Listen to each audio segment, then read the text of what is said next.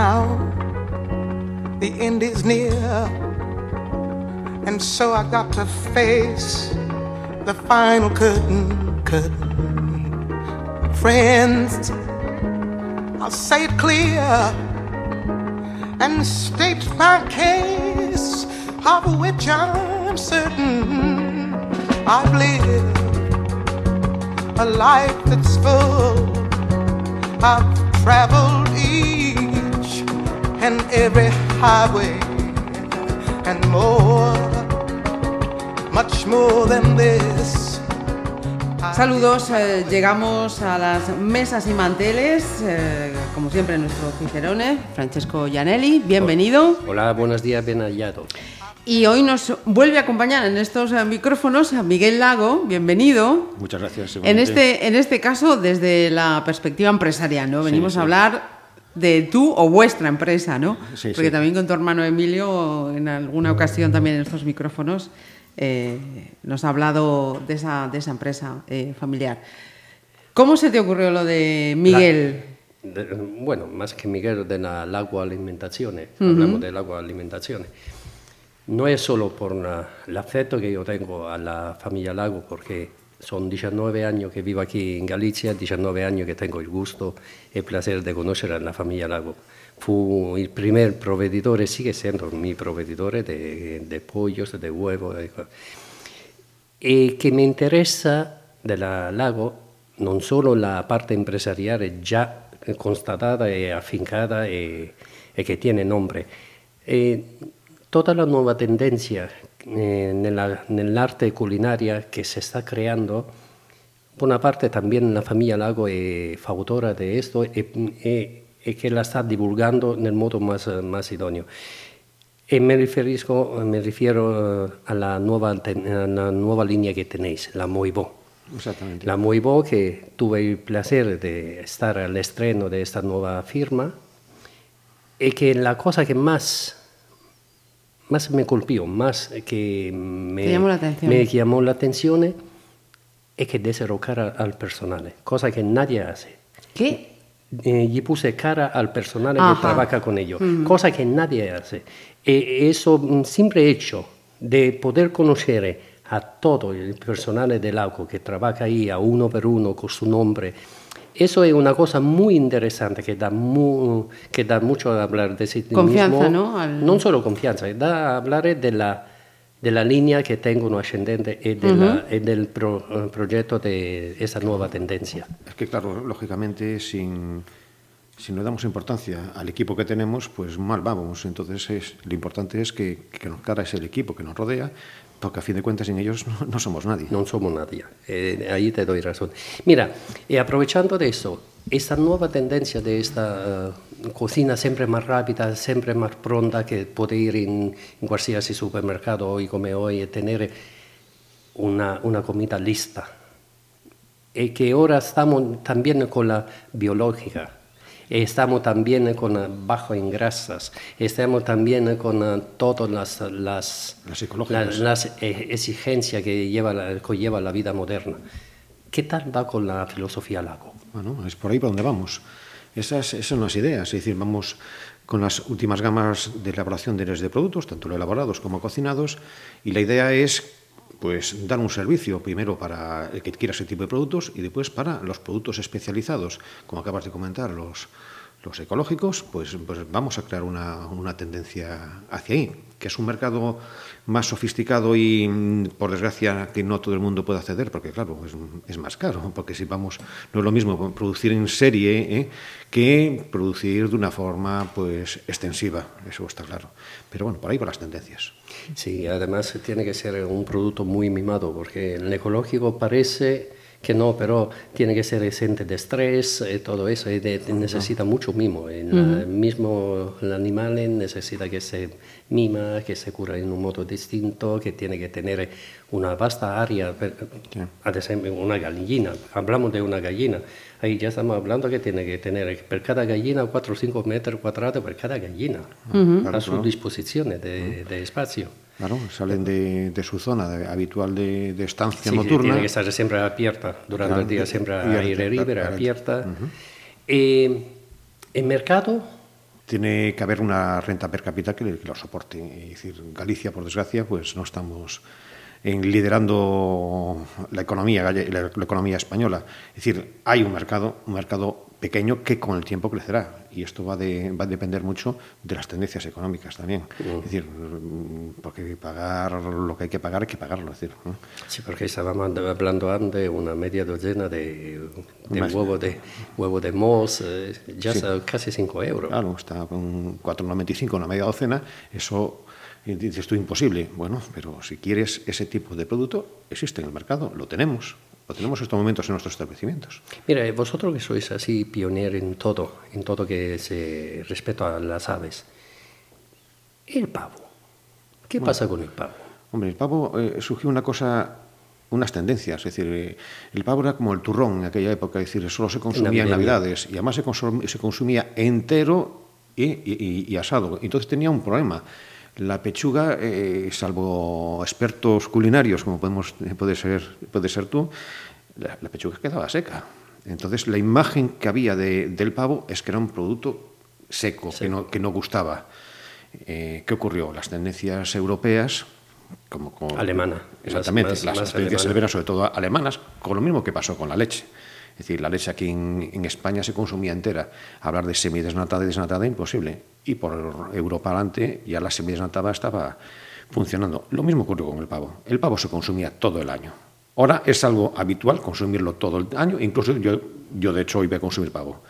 Quiere decir que además creo, creo en el producto que vendo. Sí. y es lo que más se consume en la pechuga de pavo, en la que ya la usa como un jamón, que bueno, yo, como un jamón. Hoy me toca chuletillas, chuletillas de pavo, pues al ajillo. Lo sé porque lo he visto allí en casa y dije, bueno, hoy, hoy, me, hoy, hoy, hoy me gusta. Ah, eso ya es bueno que ya sabe que hoy come en casa. Eso sí, ya es una, una eso es bueno, sí, que, que, no me echan fuera también. Pero sí, pero sí, sí. Y además es un producto que, que me gusta y además eh, que por los años que empezó a tener no debo consumir exceso de grasas, porque antes quemaba todo. Y yo jugaba fútbol y ahora ya me aconsejan no le des una patada a la pelota que te vas a romper fibras. Y que es además una, una carne muy ligera, ¿no? no estamos sí, hablando muy ligera de... y sabrosa. Todo lo opuesto a lo que la imagen que había hace 15 años. ¿eh? Sí, sí, sí. sí, sí. Mira. Y a livello familiare, la idea del agua alimentación, ¿cómo surgió? Yo soy la tercera generación, es decir, que yo no soy el primero, ni, es decir, somos la tercera generación y hay una cuarta. Eh, sí, que, ya conocemos. la idea varió mucho. Antes las gallinas y los pollos se compraban en feria. ¿eh? Después pasó a producirse de forma intensiva en naves. Eh, y, y, lo importante era el, el, precio del pollo, es decir, lo que, lo que primaba. Después, lo import, después pasó a, la importancia del despiece. Ya no se compraba el pollo entero, ahora estamos surgiendo con el despiece lo que, lo que antes ocurría con el pollo. Todo el mundo ahora compra lo que necesita, no uh -huh. compra el pollo y lo despieza en casa. Bueno, pero eso, sí, sí. estamos hablando no hace muchos años, ¿eh? Uh -huh. ¿No? Pero bueno, ahora volvemos al tema de la alimentación. Ahora vamos a, a hacer elaborados. Ahora los elaborados con, hechos con, con, calidad, con mimo, con una responsabilidad, con, con todas las normativas que, que, tenemos de calidad y de veterinarios que tenemos arriba, pues, pues claro, eso es un, una garantía. Sí. Y eso es lo elaborado, sí, pues estamos con los cocinados. Es decir, estamos realizando una serie de, de apuestas futuras que, que bueno, que, que, la siguiente generación pues tendrá que, uh -huh. ¿Qué? Eh, mira, y hablabas de las normas sanitarias. Son, tengo entendido, muy, muy, muy restrictivas muy y muy, muy exhaustivas, sí, ¿no? Sí, claro, claro, continuamente. Uh -huh. Nosotros tenemos un veterinario de la Asunta eh, día sí, día no. Encima, uh -huh. es decir, nuestros eh, nuestros niveles de, de, exigencia ya hacia nosotros mismos y ya tenemos personas, es decir, controles de calidad propios internos que haciéndonos auditorías continuamente de todos los productos ¿eh? claro, que salen y todos los lotes. Vosotros claro. mismos ya disponéis de un veterinario claro. que trabaja con vosotros. Eh, además, bueno, es una persona, una además, persona sí, de control de calidad. Hoy tengo no, el control de la Junta que tres veces semanales, dos, dos o tres veces semanales. ¿eh? sí, sí.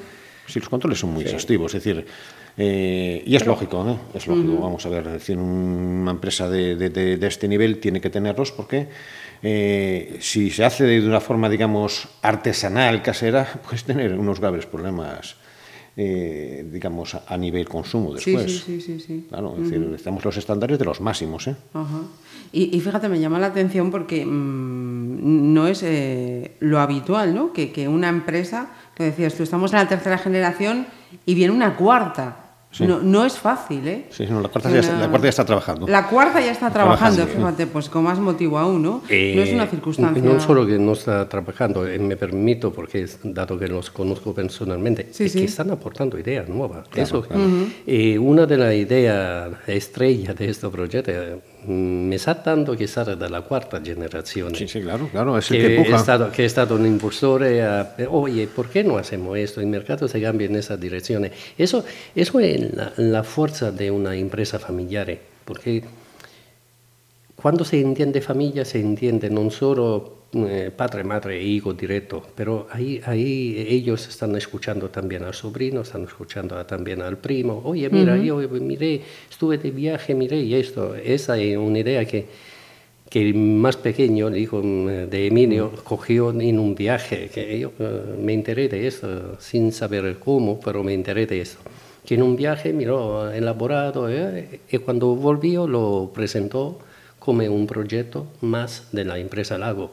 Y que te digo es fabuloso. Yo uh -huh. uh, tuve la ocasión de poder probar esto elaborado y que son productos excepcionales, muy bien hecho, muy bien presentado, muy bien concebido en el modo de cómo se concibe un elaborado, de poder comprar y llevar a casa y poderlo hacer así directamente, sin perder tiempo, sin tener alta conoscenza de cocina que tiene que hacer, ah, me gusta hacer el, esto trufado, eh, bueno, ya tiene una, una pechuquita con un, un musleto ya trufado que lo puede hacer en casa, eso es muy bueno, es muy bueno, y además que ayuda, ayuda muchísimo a la familia, uh -huh. a desarrollar la familia y a, a crear una, un hábito nuevo en los niños, porque aquí va un poco la crítica mía como, como profesional de alimentación, Hoy se está perdiendo un poco la esencia de la cocina en casa. Se está perdiendo porque no se usan mucho vegetal en casa cuando son prioritarios, no se usa tantas carnes que eh, a los niños son buenos. Ya, mm. claro, claro. Esto, esto, esta conoscenza, esta amplia, ampliación de conoscenza del arte culinaria es bueno también para una familia y viene muy bien. Eh, en eso lo están haciendo bien. Uh -huh. sí, hombre, yo por poner un ejemplo, eh, los productos que realizamos son productos nobles, es decir, no es de que vemos por ahí en ciertas franquicias multinacionales que es de, con recuperadores de carne y... No, no, el nuestro es el producto noble, es decir, si quieres coger unos eh, fingers, que ahora se llama fingers, lo que sí. antes, lo que sí, antes eran fingers, solomillos, sí. solomillos de pollo, sí, ¿eh? eh, entonces eso adobados y claro, el, producto pues en sí, como comentábamos con el tema de la pechuga, es un poquito seca, lo que pasa es que si lo acompañamos con un mousse de limón o una maravilla de esas, eh, el producto, uh -huh. vamos, Cambia, de, de, cambia, cambia, cambia, totalmente cambia, y es y es el, el, toque el toque de culinario que, que, puede faltar es decir que si consumimos la pechuguita el finger pues está un poquito seco pero claro si lo acompañamos del otro muy bien Sí, sí, no, no, no, estoy de acuerdo contigo. Por eso te digo, esa, esa preocupación de la parte de la familia que tendría que ser un poco más presente en la familia, de poder presentar un producto yeah. distinto, acompañarlo con vegetales, acompañarlo. También no, no es solo eh, a, sentar a comer. Uh -huh. El plato también necesita esa cosa visiva que lo tiene que mirar, lo tiene que mirar un poco, que, que te dice, oye, qué bonito está, que la curiosidad mismo al inicio de poder probar un producto. Y tenemos muchísimas cosas para uh -huh. poner en la mesa, muchísimas cosas, muchísimos materiales que también es más asequible determinado producto. El pollo, eh, hoy como hoy, sigue siendo un producto asequible que se puede, se puede utilizar en tantos modos, eh, no, non solo il pollo intero, come diceva antes Miguel, eh, sai despiezza del pollo dalla salita, dal muscletto, dal, dalla carcassa mismo. Ora è difficile che tu mira que gente va en una, en una carnicería o una pollería a comprar carcasa de pollo para hacer un caldo. Hoy es difícil. Es difícil. Es difícil. Un año, un año, Ay, por suerte. Pero por suerte, digo, por suerte porque saben es utilizarlo. Difícil, porque se me, la gente antes se mentalizó el caldito pronto y el sobre o la pastilla de caldito pronto. No, no. Sí, bueno, Eh, yo digo, la carcasita y dejarla Claro, eso, el vamos. hueso, un huesito no de tiene caña, comparación. eh, un huesito de Claro, caña. Claro, y no solo eso, sino también el consumo de gallina que se vino abajo, de cierto Sí, modo, porque sí, sí. la gallina, ¿qué caldo hace, no? Sí, sí. Es decir, aún Y- existe. y- sí. Sí, claro, claro, nosotros lo comercializamos. Sí, sí, no, me pregunto, te preguntaba precisamente por ese dato, el consumo de gallina Bajó, hacia abajo. bajó Hacia, muchísimo. hacia abajo, claro, porque eh, con- si, si no hacemos las calditos y tal, ¿eh? y la gallina que buen caldo da, ¿eh? Pues, pues si no utilizamos ese... ese, ese- Pa- ¿Para qué utiliza la gallina si no es para caldo? Claro, se puede consumir, es decir, la gallina es un poquillo más, más, más dura, pero bueno, para gustos, para gustos. Sí, sí. Y, y yo pienso, bueno, que es una, una pena de pérdida de, de tipo de producto que, que- que era un complemento muy bueno para la alimentación. Sin duda. Estoy de acuerdo. Y el caso del pollo es el producto que se mantiene, ¿no? Ahí sí que no hay. Sí, el, el pollo, el consumo del pollo sigue siendo muy alto, ha ascendido el del pavo, ha, ha bajado un poquillo, eh, un poquillo el de la gallina, un poquillo, cada vez un poquito más, porque la gallina se mira como un poco, no sé, Segundo plano. segundo, ¿verdad? Estamos de acuerdo. A nivel consumidor, es decir, Sí, sí, el no, nombre, no, no, la, debe imagen, la imagen de gallina es Consumar, como, ma ¿no? también al livello, al livello de, de una familia que tiene pollo o gallina en casa, tiene tres pollos y una gallina. La, la- la proporción es esa, 3 a 1. Cada tres pollos se comen una gallina, que se hace un caldo, se hace una sopita y cosas. Eh, Claro, y estamos en hablando de la grasa. claro, porque la, la- la hembra tiene que tener una se- serie de, con- de condiciones, como es un poquillo más de grasa, porque tiene eh, la cría, ¿no? Tiene que criar, Ya, eh, claro. tiene que entonces, cobar. entonces, pero ese- esa grasita y tal eh, era la que daba el saborcillo al caldo. Ujú. ¿Alguna vez más con la que trabajáis y destaques, eh, pues mira, ahora se eh, Hombre, aumenta, baja, y pico? a nivel de tendencia. A nivel tendencia, no, te puedo comentar fracasos, es decir, fracasos Sí. en la avestruz. Parecía que Las avestruz, que dice avestruz, dice ave- avestruz y canguro. ¿Os acordáis de, Sí, sí, eh, sí. de que parecía que iban a ser Productos eh, productos me estrella? Me eh, acuerdo una, una granja de avestruz en la carretera de Villa García. García. Sí, ya claro, dejó de existir. Y dice que ahí se aprovechaba absolutamente todo, las plumas para no sé qué, eh, la propia carne, una carne roja. Es decir, es un producto que, que podía tener una tendencia de crecimiento alto. Tuvo su pico, aprovechó su pico, su liderato de publicidad en su momento y así como, como tal, pues Yo cayó. pienso que fue más una publicidad a nivel gastronómico de, de algún eh, chef que presentó la ave fénix de la cocina.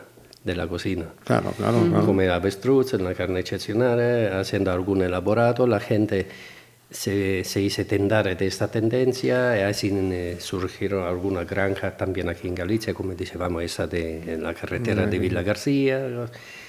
Pero el avestruz es una carne un poco difícil de entender.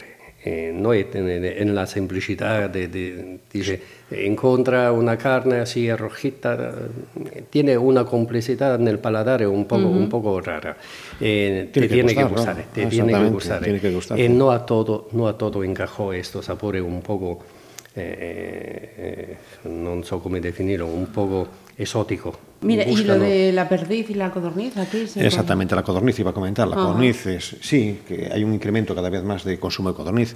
Hay un tipo de raza también, el picantón, ¿eh? que es, que, que es el, el macho, eh, claro, sí, eh, el macho de, de la gallina de la gallina ponedora, que, que le han dado una salida muy, muy, muy bonita y estupenda, que es para servir en barbacoa. Eh, tenemos las pintadas, tenemos, tenemos mm, Las pintadas. Sí, la pinta. eh, Sí, sí, es un, es un consumo, tiene un consumo, digamos, en España muy localizado en épocas navideñas. Eh, y ahí, ya te digo, podemos hablar de la perdiz, lo que acabas de comentar. También, también destaca también en época de caza, tiene su consumo en época de caza y también tiene su consumo pues, pues en épocas navideñas. Se destaca sobre todo la variedad en- de, con- de- de- de estas especies en el consumo radica en momentos determinados. Ajá. En ogni caso yo pienso que los dos productos, que en este caso no, no va tanto al caso del ave, pero los dos productos que nunca bajaron y siempre eso, eh, estuvieron ahí a gala son, aparte del pollo, el conejo. Eso, esos dos productos nunca, nunca bajaron, siempre tuvo el mercado porque son más versátiles, son una carne muy fácil de absorbir, eh, muy sabrosa en sí mismo. Y, y- eh, y, por cierto, en grasas mínimas. mínima, Sí, sí, mínima, Claro, con lo cual, todos aquellos deportistas, pues el consumo, el consumo de pechuga de pollo es fundamental. Sí. Y conejo, de hecho, Van el en problema, la misma eh, eh, senda. Exactamente, no tienes- el problema de hecho que el problema que tiene el conejo al no tener grasa es que su vida, mm, digamos, alimentaria después de es muy corta. Ese es el problema que tiene. Ah. Mira, y, y hablando, insistiendo también en, en esto de, de- de las aves, eh, sí que veo también, además en, en restauración, sobre todo en hostelería, lo de los huevos de codorniz. También es un producto que me da la impresión que también cada vez más, ¿no? Que Sí, antes, bueno. hace unos años, igual se veía... un- e non puoi immaginare una pizza con huevos de codorniz como está Ah, sí? Ah. Sí, sí, yo la tengo. sí, cuando tengo huevos de codorniz.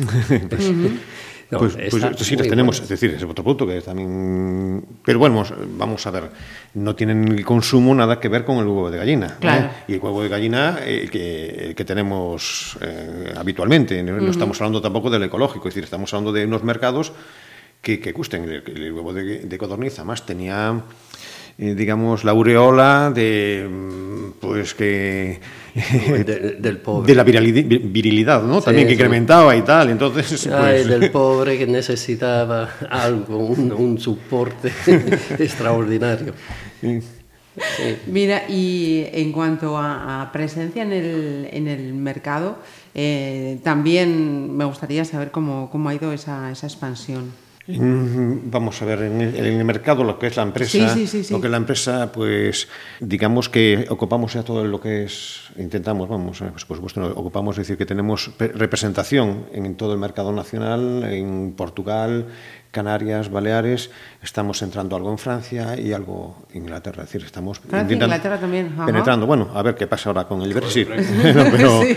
a ver qué, Bueno. a, ver lo que, lo, lo que ocurre. Decir, Magari non vai a aprire un centro ahí, pero la importación y exportación sí que Claro, se sí. puede seguir eh, con precio distinto. Hombre, me recuerdo un detalle de una persona que me para por la calle y me dice, estoy muy orgulloso de vosotros. Dije yo, ¿por qué? Mira, mi padre en este momento está en una embarcación en el, en el Índico. Y cuando entró en la cocina, vio una caja vuestra El lago, dice, me cogió, me mandó un WhatsApp y dice, estoy consumiendo pollo gallego. ¿Eh? Entonces, pollo, entonces decía, no, y no sabes, lo, dice, no sabes lo orgulloso que se sintió mi padre y me siento yo de vosotros. Y dije hombre. Y después, claro, pensé, ¿cómo pudo haber llegado en Índico? Y claro, ya sé cómo llegó. Después, ¿no? Porque los armadores, había unos armadores que había una, eh, que tienen su sede en, en Vascongadas y tal, pues a través de ellos, pues, pues Habían llevado, habían llevado el producto. Ajá, sí, señor. Casi Eso- nada. Casi nada, ¿no? Eso demuestra que la interactividad mundial. Es decir, tú tienes un producto, lo puedes encontrar en cualquier mesa o, o manteles. Claro, claro, Efectivamente. claro, también, por supuesto, en hostelería. Es decir, nuestra tendencia también es que la hostelería valore y que sepa, y que sepa lo que tiene. Es decir, que, que, que, que le guste el tipo de producto, el producto noble, el producto noble, ¿eh? que, que es el, el producto que hacemos de, de- y de alta calidad, claro. y, y sabe que no va a haber ningún tipo de producto y dado eso, es la fidelidad que tenemos en hostelería, Bueno, ¿no? Por eso, por eso yo antes de- decía, yo llevo 19 años aquí, son 19 años que no es que ellos me fidelizaron, es que me siento yo fidelizado con ellos, que es distinto, porque cualquier momento uno que busca en una empresa que es suministradora y precio, yo pienso que es la última cosa que uno está mirando, porque antes tengo que mirar el servicio que me da. E il servizio nunca falló, nunca. In 19 anni nunca puedo tener una queja de fallo de servicio. Además, a veces tú puedes tener de la, de la falta de previsión un poco corta. Dices, jolín, me voy a quedar corto. Llama, oye, mira chicos, eh, necesito, está, ah, no podemos, mira, pero vaya en tal tienda nuestra, así que, que llamamos nosotros, te lo preparan y cosas. Todo eso es fidelizar al cliente. Y todo eso hace sí que hoy o mañana te entra otro proveedor o venditore per la puerta y te dice, mira, te vengo a dar este producto más barato. Más barato no me interesa, porque en lo que yo tengo que mirar antes es el servicio que yo tengo. Ese Sí, non la tiene- tranquilidad que ese- sabes del tranquilidad, Ese producto non tiene ese- ningún problema con el proveedor que Claro. siempre no lo va a cambiar por el precio. Es muy difícil ya que haya más proveedores gallegos, por desgracia. Seguramente, seguramente lo que aparecerá con el tiempo, cuando se desarrolle el comercio con Estados Unidos, pues aparecerá un tipo de pollo quizás a lo mejor más... ¿Y tú más- piensas que se va a desarrollar este plan Sí. de comercio con Estados Unidos? No lo Yo sé, pero- que pero- va a ser pero- un fracaso, un fracaso como Pero si llega, si llega, ahí vamos a tener un problema porque estos, esos amigos estadounidenses utilizan hormonas, entonces el pollo hormonado va a ser más económico, más barato y siempre puede encontrar un mercadillo ¿eh? en ese tipo de consumidor que busca precio. Pero bueno, eh, es decir, eh, tenemos, este, claro, yo cuando, cuando veo esos acuerdos que, que, hay, veo lo que hay en el otro lado. Es decir, lo que hay en otro lado es un permiso en cuanto a modificaciones genéticas y utilización de hormonas, que aquí en Europa en teoría no se permiten, que no se permiten. Por eso no sé cómo van a hacer para, hacer, para llegar a esos productos aquí. Esas son quizás las, las posibles amenazas que hay, pero no es hacia el mercado de calidad. Uh -huh. Esa es la calidad misma. No, es un mercado, y yendo a un mercado a precio puro y duro. Es decir, un sí, precio sí. puro y duro que alguien quiere ese precio, toma, aquí lo tienes. Uh -huh. Pregunta que yo tenía un poco en el aire, porque siendo yo también empresario, a veces eh, todo es lo que, se, como decimos nosotros a Nápoles, no es to, todo oro es lo que luce. Y a veces la gente está aportado soltando a, a magnificar, exteriorizar en lo que mira, pero ya hecho. Pero casi nadie sabe del sacrificio que también una empresa puede soportar o aportar o mmm, vivir en su carne. Yo no sé vosotros, pero mmm, mirando la última, la última crisis que muchas empresas tuvieron que cerrar y cosas, ¿alguna vez tuviste alguna crisis vosotros? Sí, sí, fue en la primera generación. La formaban lo que era mi, mi, mi padre y mis tíos, es decir... Eh, es decir, sería la segunda generación, la segunda generación, no la primera, la segunda generación, pues hubo, bueno, pues se hicieron una serie de inversiones allá por los años 70 y, y, dio la mala suerte que coincidió con una época que fue la época de la crisis del petróleo. Increíblemente, pues 74, to, todo lo opuesto ahora. Pesado, 74. Sí, 74. Eh, todo lo contrario a lo que estamos opinando ahora. Ahora tenemos un petróleo, un petróleo bajo, entonces que debía ser todo lo contrario. Allí, eh, allí, lo que pasó fue una subida del petróleo, escasez de materias primas, eh, recortes y tipos de interés eh, recortes de préstamos y tipos de interés muy altos, eh, abusivos, estábamos hablando de un 17, 18% mejor de, de, de, tipos de interés, estábamos ante un nivel de inversiones muy, muy, muy grande, era un, cambio, era un cambio que había en el, en el sector de, de comprar en ferias el, el, los pollos y las gallinas y se, se mandaban por trenes hacia, hacia Cataluña, hacia Madrid, que lo enviábamos, enviábamos bueno, enviaban mi familia enviaba para allá, es decir, teníamos una importancia a nivel gallego muy alto, pero una serie de inversiones que se hizo en aquel momento quizás un, poco, un poquillo fuera de tiempo, porque veías las tendencias de que todo el mundo estaba metiendo naves, naves para, producir, para producir los pollos. Entonces, ¿qué ocurrió? Se masificó y se vendió el pollo como un producto económico y sobre todo los catalanes, liderado por los catalanes. Aquí lo hicimos, el cambio lo hicimos tarde y nos pasó una cuestión que producíamos, producíamos nuestro precio de, de coste era superior al precio, de, venta. de venta. Entonces, cuanto más producíamos y producíamos muchísimo. Más pérdida. Las pérdidas fueron totales. Bueno, nos llevaron contra, pues, pues contra la quiebra, la, la, quiebra, la, quiebra, momento, la quiebra de la empresa y fue se subastaron, por desgracia, con lo que pasó está pasando ahora a muchísimos empresarios que esta vez tocó al sector eh, construcción inmobiliario. Lo que nos tocó fue a nosotros, pues, pues la pérdida de todo nuestro patrimonio, porque claro, cuando tomas decisiones empresariales no te das cuenta que es que, tu patrimonio que, que está estás jugando tu patrimonio. Claro. Desde fuera se ve parece muy bonito. Mira qué tal, mira lo que mira qué, qué, qué nave tienen o mira no sé qué. Y dices tú, pero tú sabes. El avales, los avales, tú sabes las hipotecas que, y, y los, los, pólizas que tenemos uh -huh. para poder resistir todo esto. Te entiendo, te entiendo perfectamente. Y, y por, eso, por eso en la, esta inquietud, que, en la pregunta inquieta que tenía, al ser alguna vez tuviste un revés financiero vosotros también, come todo. Claro, claro, claro. ¿Qué pasa? Eso no...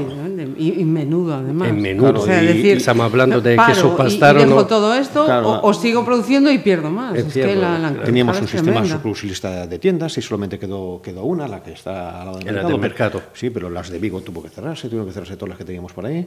Eh, sí, eh, uh -huh. el, cambio, el cambio fue, fue muy duro y aparte de ahí, pues mmm, mis tíos, pues uno se, se, dedicó al transporte, que le fue muy bien, Transportes Lago era concretamente, eh, otro, otro de mis tíos era, se dedicó eh, al pescado, al pez sapo, que también en su momento le fue muy bien, lo que pasa es que fue el que pega más bandazos a nivel de decisiones, le fue muy bien, después le fue muy mal, después le fue muy bien, después le fue muy mal, y pues al final, que ahora ya falleció, le estaba yendo muy bien, pero bueno, y después mi tía, que, que esto eran, eran tal, pero bueno, mi tía en cambio era también otra promotora empresarial que tenía gasosas La Pontedresa en, Es decir, eh, siempre fuimos una familia de empresarios de, rozando, siempre metiendo el patrimonio y el riesgo en, En todo. En todo, en todo, claro.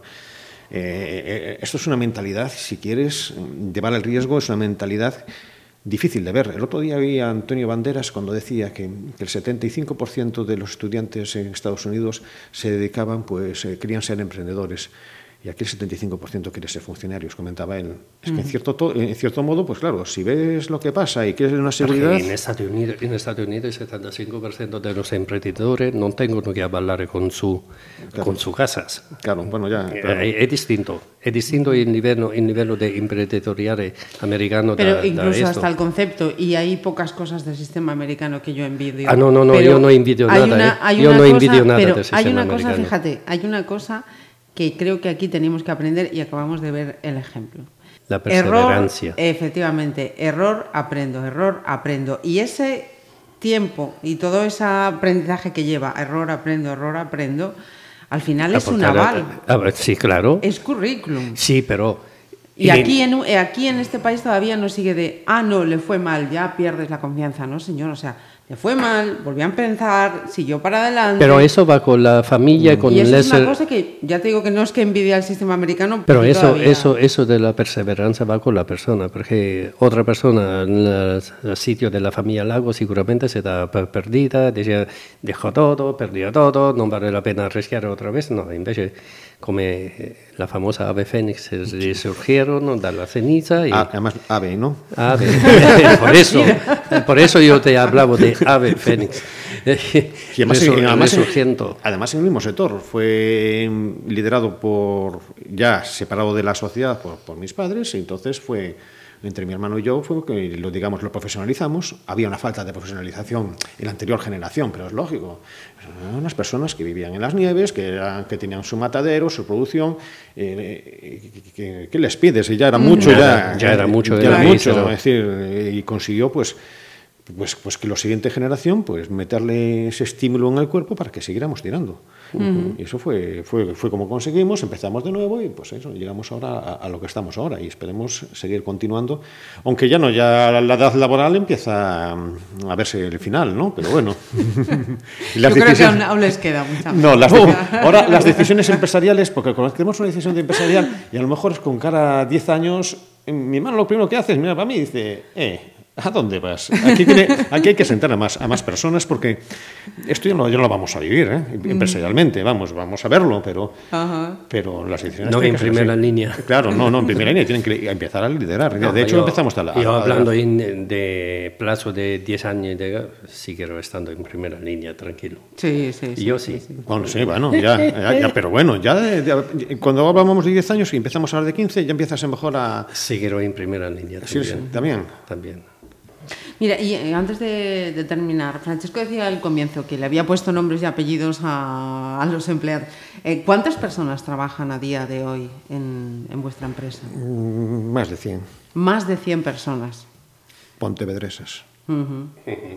Sí, con, Todos los locales. por, por eso pregunto, ¿no? Y- con y lo no- que y- eso y- genera. Y no solo eso, sino el accionariado también es pontevedrés. Ujú.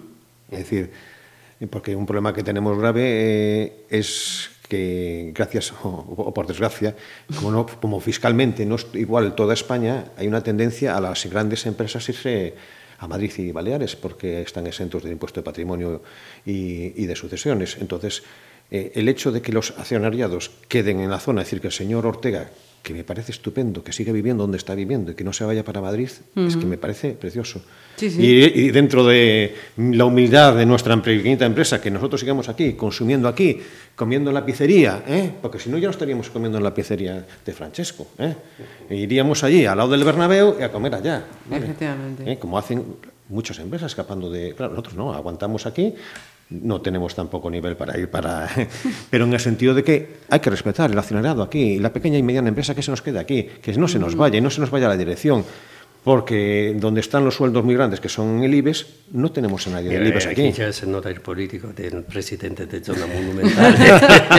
no, no, pero está diciendo no, verdades no, como puños, verdad, vamos. Es verdad, es verdad eh, ya, ya lo tenemos puños. asumido, eso ya lo tenemos hablado entre nosotros. Mm. Claro, pero... lo mismo, para poner un ejemplo, el señor Freud, me parece encantador que siga viviendo aquí, que viva aquí, que lo veo paseando, que, que, que uh -huh, sus hijos uh -huh. aquí, que son los que llevan... Es que me parece genial.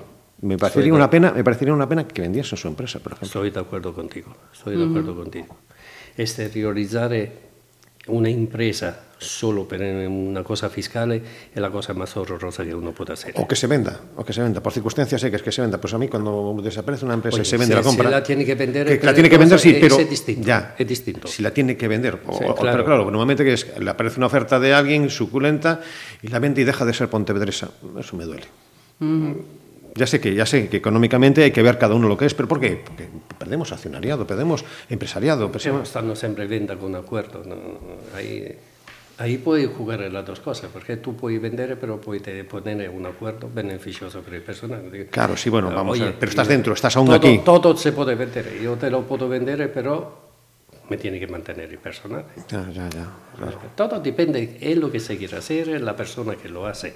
Yo entiendo las dos posturas, la postura tua de mantener accionariado aquí, de todo, y que lo hable dato, pero también se tiene que defender una, una persona que tiene una empresa y tiene posibilidad, por un motivo que sea, la quiere vender.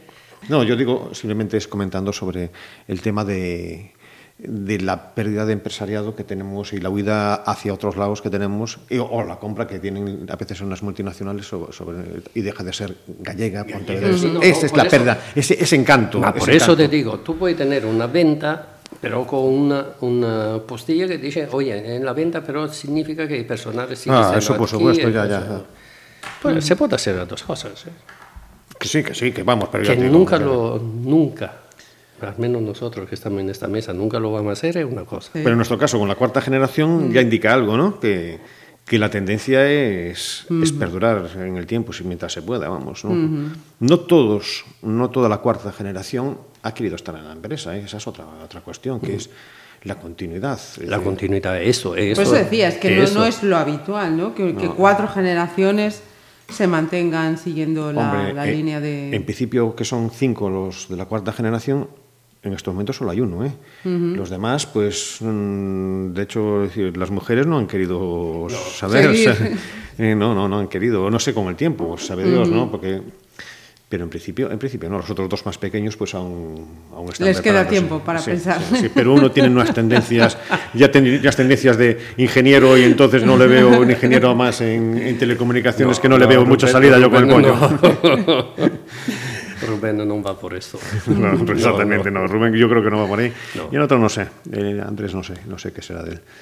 Pero bueno, ahí está. Ahí está. Ahí, se, no, se, tiene, se, tiene, que cultivar diariamente. Que sí, sí, bueno, pero han vivido, ¿sabes? Han nacido, han, han, han estado metidos en el medio de la empresa, pienso, han claro, trabajado. Claro, y yo eso, a eso me refiero. No es tanto el hecho que decida o no decida un mañana. La, el hecho importante es que sepa hoy valorar en todo lo, lo, hecho, lo, mm. en lo que ha hecho la familia, los sacrificios de la familia. Esa es la cosa más importante. Mm. Saber valorar en lo que tengo, ¿no? a qué sacrificio lo tengo. ¿no? Ah, no, sí, se han, y se han formado, bueno, se están formando, los cinco se han formado desde abajo. Es decir, mm -hmm. han sabido desde el principio todo lo que había que hacer y tal, y trabajar en un puesto, en el otro. Es decir, eso, eso fue sí, fundamental. Sí. Y después ahí, conociendo lo que hay, pues alguno ha votado pues, pues, pues eh, desarrollar su carrera profesional y mejor en otros lados. Uh -huh. Pues eh, si seguimos, quién sabe si la próxima vez sí, vemos a Miguel aquí ah, con, con, alguno de, de la cuarta la, generación. No, de hecho, de hecho iba a venir la cuarta generación. Sí. Porque, porque la idea era que, era que venía él. Que, que viniera Paulo, sí, la idea era que viniera Paulo, pero eh, pero um, vete tú, tío, vete tú, vete tú. Bueno, mira, tenemos que organizar otro, otra charla. Eh, llevaremos Para hablar de sucesión generacional en las empresas. Sí, sí, hombre. Sí, y señor. me encantaría sentar aquí a alguno uh -huh. de los Freud, que si no creo que haya ningún problema en sentarlo. Eh, me da una idea. Un día mira, ¿ves, organizaremos. Miguel, acabas de darle ahí. Sí, sí. un día organizaremos con Freud. Con Freud. Y me gustaba también que podía participar uno que ahora ya no hace parte del gran circuito, Moldes. También. Con Moldes también, con Fernando. Claro, pues, exactamente, con Fernando. Con Fernando. Bueno, a ver, a ver, nunca se sabe. No sabe, ¿no? Claro, Bueno, tenemos, sabe. tenemos ya la, la cazuela ahí ya con Y hirviendo mantel- ya con posibles manteles. Mi mantel Sí, ya está puesto. Tenemos que poner solo en la mesa ahora, como ahora. Eh, está, está ya el fuego puesto. Miguel, un placer, como siempre. No, bueno, para vosotros, por supuesto. Y Francesco, hasta dentro de dos semanitas. Hasta luego. What is a man? What has he got? If not himself, then he has not to say the things he truly feels, not the words of one who needs record shows. I took the blows and